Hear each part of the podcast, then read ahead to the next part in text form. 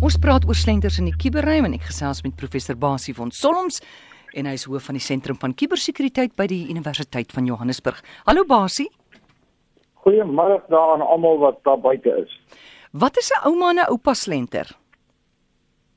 O, en dit is dit is 'n ouma en 'n oupa wat wat groot kleinkinders het, weet wat nou al uit die skool uit is. En die ding is besig om nou nogal wel as baie vorms daarvan, maar die een het ek nou redelik gelees die afgelope ruk neem vinnig toe. Jy as 'n ouma of oupa, onthou hierdie kiberotte doen baie goeie navorsing. Hulle weet jy's 'n ouma en 'n oupa en hulle gaan heel waarskynlik weet jou kleinkind is oorsee, as jy mens onthou. Hy het oorsee gaan toer of wat ook al. Dan kry jy 'n oproep wat sê die stem word nagemaak. Jy dink dit is jou kleinkind, dis bietjie verwronge, maar maar hy praat met jou en hy sê hoor jy ouma of oupa, ek is in die moeilikheid, my paspoort is gesteel of ek is in hegtenis geneem of wat ook al, wat ook al, wat ook al. Uh stuur asseblief my geld om na hierdie rekening toe, maar dan moet asseblief nie vir ma of pa sê daarvan nie want ek wil nie hê hulle moet weet. En wat gaan jy as 'n goeie ouma of oupa doen? Hmm. Jy gaan heel waarskynlik nie vir ma of pa nie en jy gaan dadelik probeer om hierdie kleinkind van jou te help. Dit werk ook in die land self waar jy 'n oproep kry wat sê hoor jy ek is in regnis geneem, ek het bietjie bietjie te veel gedrink of so iets en bel hierdie nommer dis die polisiestasie. Hulle sê hulle kan nou verborg reël as jy dit doen en dat doen en dat doen. Maar moet asseblief nie vir maakpa sê nie want hulle hulle gaan baie ongelukkig wees en hulle sê honderde, duisende oumas en oupas word so gevang omdat hulle a goed gelowig is, ja. b omdat hulle die kleinkind baie lief is wat uiteraard 'n goeie ding is maar gewoon weer eens gebruik jou gesonde verstand. Moenie daai storie val van moenie vir my pas sê nie. Bel vind uit sê vir hulle ek het 'n oproep gekry van jou kind weet julle waar hy is en so voort hierdie ding is weer eens 'n kwessie van goedgelowigheid wees versigtig dink op jou voete hmm. en moenie moenie panikeer nie. Hoe vind hulle nou uit dat jy 'n kind oor 'n klein kind oorsee het? O, oh, daai is 'n goeie vraag hy hy kan of uitvind dat jy eers in die kind gaan reis en die kind, né? Luister nou wat gaan gebeur. Hierdie kind van jou, hierdie klein kind het op sy Facebook profiel gesê, hoorie, ek gaan volgende week oor see, ek gaan Duitsland toe. En en hier is die plekke wat ek gaan besoek en al sulke tipe dinge. Nou natuurlik daai daai tipe rode kyk na daai profiele. Daar kry hulle die inligting. Maar waar gaan hy byvoorbeeld Dan gaan ek byvoorbeeld ook sê, maar uh, jy weet hulle gaan weet wat sy kontaknommer. Hulle gaan uitvind waar bly sy ouma en sy oupa. Hier ouens doen navorsing en hulle gaan daai nommers kry. Goed. En dan ons tweede vraag hier, vertel ons van 'n artikel oor die mense met outisme wat 'n besonderse bydrae kan lewer aan hmm. kubersekuriteit. Hoe sal dit werk? Hoorie, ek ek is baie opgewonde daaroor. Ek het al vroeër daaroor gelees, maar nou skielik het byvoorbeeld die die Verenigde Koninkryk se nasionale kubersentrum wat 'n uh, uh, staatsinstelling is 'n baie bekende internasionale kubersekuriteitssentrum het nou begin spesifiek uh in 'n wêreld mense gekry wat op die autistiese spektrum is. En dis nie net autisme nie, maar dit is ook wat hulle noem neurodiverse mense. Nou ek is bietjie uit my gebied uit, maar uh, autisme spesifiek sê hulle dat uh, hierdie hierdie kinders wat op of mense wat op daai spektrum is, maak ongelooflik goeie rekenaarprogrammeerders. Hulle is um baie goed met patroonherkenning wat belangrik is as jy werk in areas soos enkripsie en sulke dinge. Uh hulle kan baie goed uit die boks uit dink wat jy nodig het as jy met kiberotte te doen het. Jy moet hulle half voor probeer wees in jou denkproses. Hulle gee baie aandag aan detail hulle het baie logiese denke. Jy weet in iemand soos um, Albert Einstein en Alan Turing wat die vader was van alle rekenaars, hulle was ook op daai spektrum gewees. So uh, jy weet ouers wat wat kinders het wat hiermee te doen het, mm. oorweeg sterk hierdie ding. Hierdie is vir my 'n belangrike ding want as weet hulle sê daar's 'n kort tekort van oor die 2 miljoen kiber sekuriteitskundiges in die wêreld. Daar is net eenvoudig nie genoeg mense en, en wat die aanvraag kan bevredig nie. En as ons hierdie ding begin doen en as ons van die staat se kant af en as onderwysers hierdie ding begin besef, dan dink ek hier hier is 'n braak land in terme van uiters goeie kinders. Hulle sê byvoorbeeld weet as ek reg onthou my kinderjare dat byvoorbeeld in die Tweede Wêreldoorlog het hulle mense gebruik wat kleurblind is om foto-interpretasie te doen. Hulle was uitstekend geweest met die interpretasie van van die fotos wat uit die vliegtuig geneem is. En ek dink hier is iets wat regtig mense kan begin aan dink om vir hierdie kinders 'n loopbaan te gee en die groot naaf aanvraag groot behoefte te volg. Nou verlede week is British Airways se webtuiste gekraak en derduisende mense se inligting is gekry by hulle kliënte. Dink jy ander lugrederye gaan nou regop sit en probeer om om wakker te wees in op hierdie vlak? Ek sien wat wat van hierdie saak uh baie interessant is en amper bietjie ontstellend is. Dit is nou regtig een van die maatskappye wat ek nou gedink het weet ek vertrou hulle. Hulle hulle is in 'n eerste wêreld lugdiens. Hulle het van die beste stelsels. Ehm um, uh, hulle het ongelooflik baie kliënte en pasiënte uh, nie pasiënte en kliënte seker.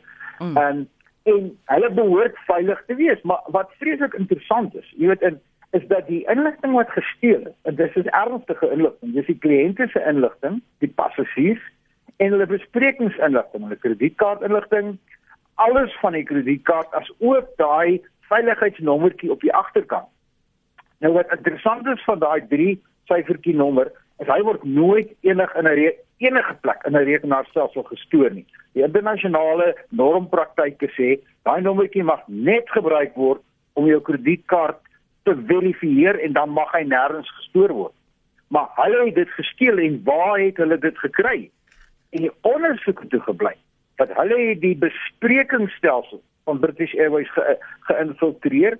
Daar het hulle 'n stuk rot materiaal geplaas, rot rot programmatuur wat soos wat die persoon gesit het en sy bespreking ingetik het. Ek wil op hierdie vlug wees. Hier is my kredietkaart inligting. Het hulle dit onmiddellik as hy dit intik, het hulle dit gegryp en daar natuurlik voordat daai drie nommertjies nou by die by die DA kon gekom het om dit te verifieer, het hulle dit gevat. En daarom is dit is dit 'n ongelooflike groot probleem. En ek dink soos jy sê nie net aan die lugdienste, maar ek dink enige groot maatskappy moet begin besef. Ons het toe ruk op geleer het ons gesien van Liberty, een van die grootste maatskappye in ons land, het het sy inligting is ook gesteel. Gelukkig lyk dit vir my was dit so ernstig. Hierdie is 'n ernstige kraak en ek dink regtig wat vir my bekommerd is is dat soveel groot maatskappye wat soveel geld kan spandeer het hulle gekraak word. Dis maar ons voorland hoor, dit gaan al meer gebeur. So basies hierdie kliënte wie se rekeninge nou gekraak is via British Airways se hmm. webtuiste, sien nou maar daar's intussen van hulle geld gesteel. Kan hulle vir British Airways dagvaar? Laat ek dit sê, ek gaan vir jou antwoord nou antwoord, maar wat hulle gesê het binne 'n kwessie van 'n dag of wat, is daar transaksies gedoen. Dis dis hoe hoe die hoe hulle uitgevind het. Daar's 'n fout want 'n ander lugdiens mm. het vir British Airways laat weet, hoor jy hier's 'n klomp transaksies wat inkom om besprekings te maak. Mm. En die, hier is hier ryk ons al rot. So daai geld is onmiddellik gebruik. Maar soos wat ek gelees het, het British Airways gesê niemand het geld verloor nie. Sal alles terugbetaal. En dit gaan vir hulle, jy weet, 'n maand se salaris kos om almal terug te betaal wat daai ja. inligting, daai kaarte moet nou eers gekanselleer word en voor hulle gekanselleer en gestop is, gaan daar baie geld uitloop. Maar hier dink ek, hier het hulle gesê dat die kliënt uh gaan nie skade ly nie. En ek dink soos wat ons verlede week ook gesê het, ons moet tip begin Jy weet ons hak in die grond sit partykeer en sê maar ek is nie betrokke hier nie, nie ek gaan nie ek wil nie my geld verloor nie ek wil my geld terug hê. Goed basie, ek het hierso 'n vraag van iemand op die lyn. Charlotte, goeiemôre. Aida, heeltemal van die Osopias nou ja. met hierdie nuwe manier wat hulle die SIM-kaarte tap. Mm. Is daar 'n manier wat 'n ou dit kan blok of iets of nie? Ons het verlede week hoekom daaroor gepraat. Hoe bedoel jy uh, uh, kyk alle alle jy het nie meer nodig om jou pin iewers in te Ja, ja. Hulle tap hom net. Ek bedoel in hulle hulle vra nie. Ek ek was eendag in 'n winkel waar iemand hom net gevat en eenvoudig getap het.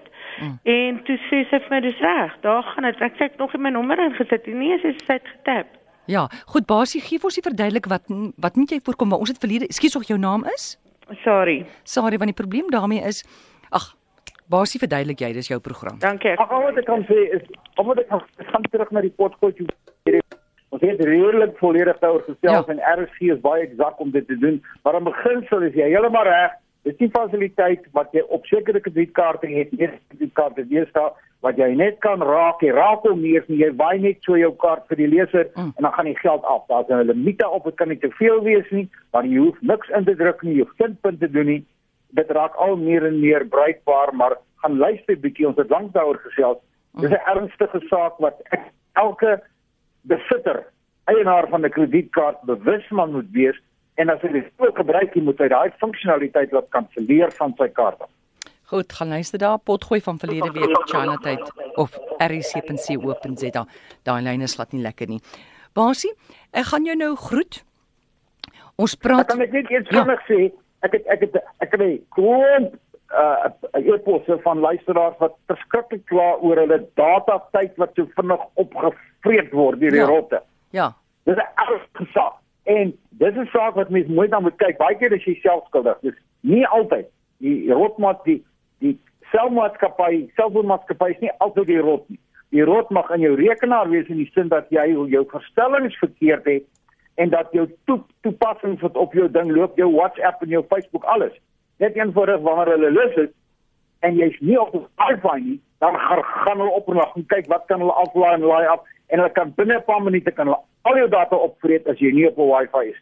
Maak seker jou verstellings laat net toe dat jy sulke goed dat jou toepassings net kan opgradeer as jy op Wi-Fi is en dat jy uh, jou jou data dop. Hmm. Goed. Dankie Basie, ons praat weer volgende week. Mense kan jou kontak by RSG Basie. RSG Basie by gmail.com. Goed, baie dankie Basie. Hou jy eerlik vakansie tans daar by Mosselbaai is RSG Basie by gmail.com.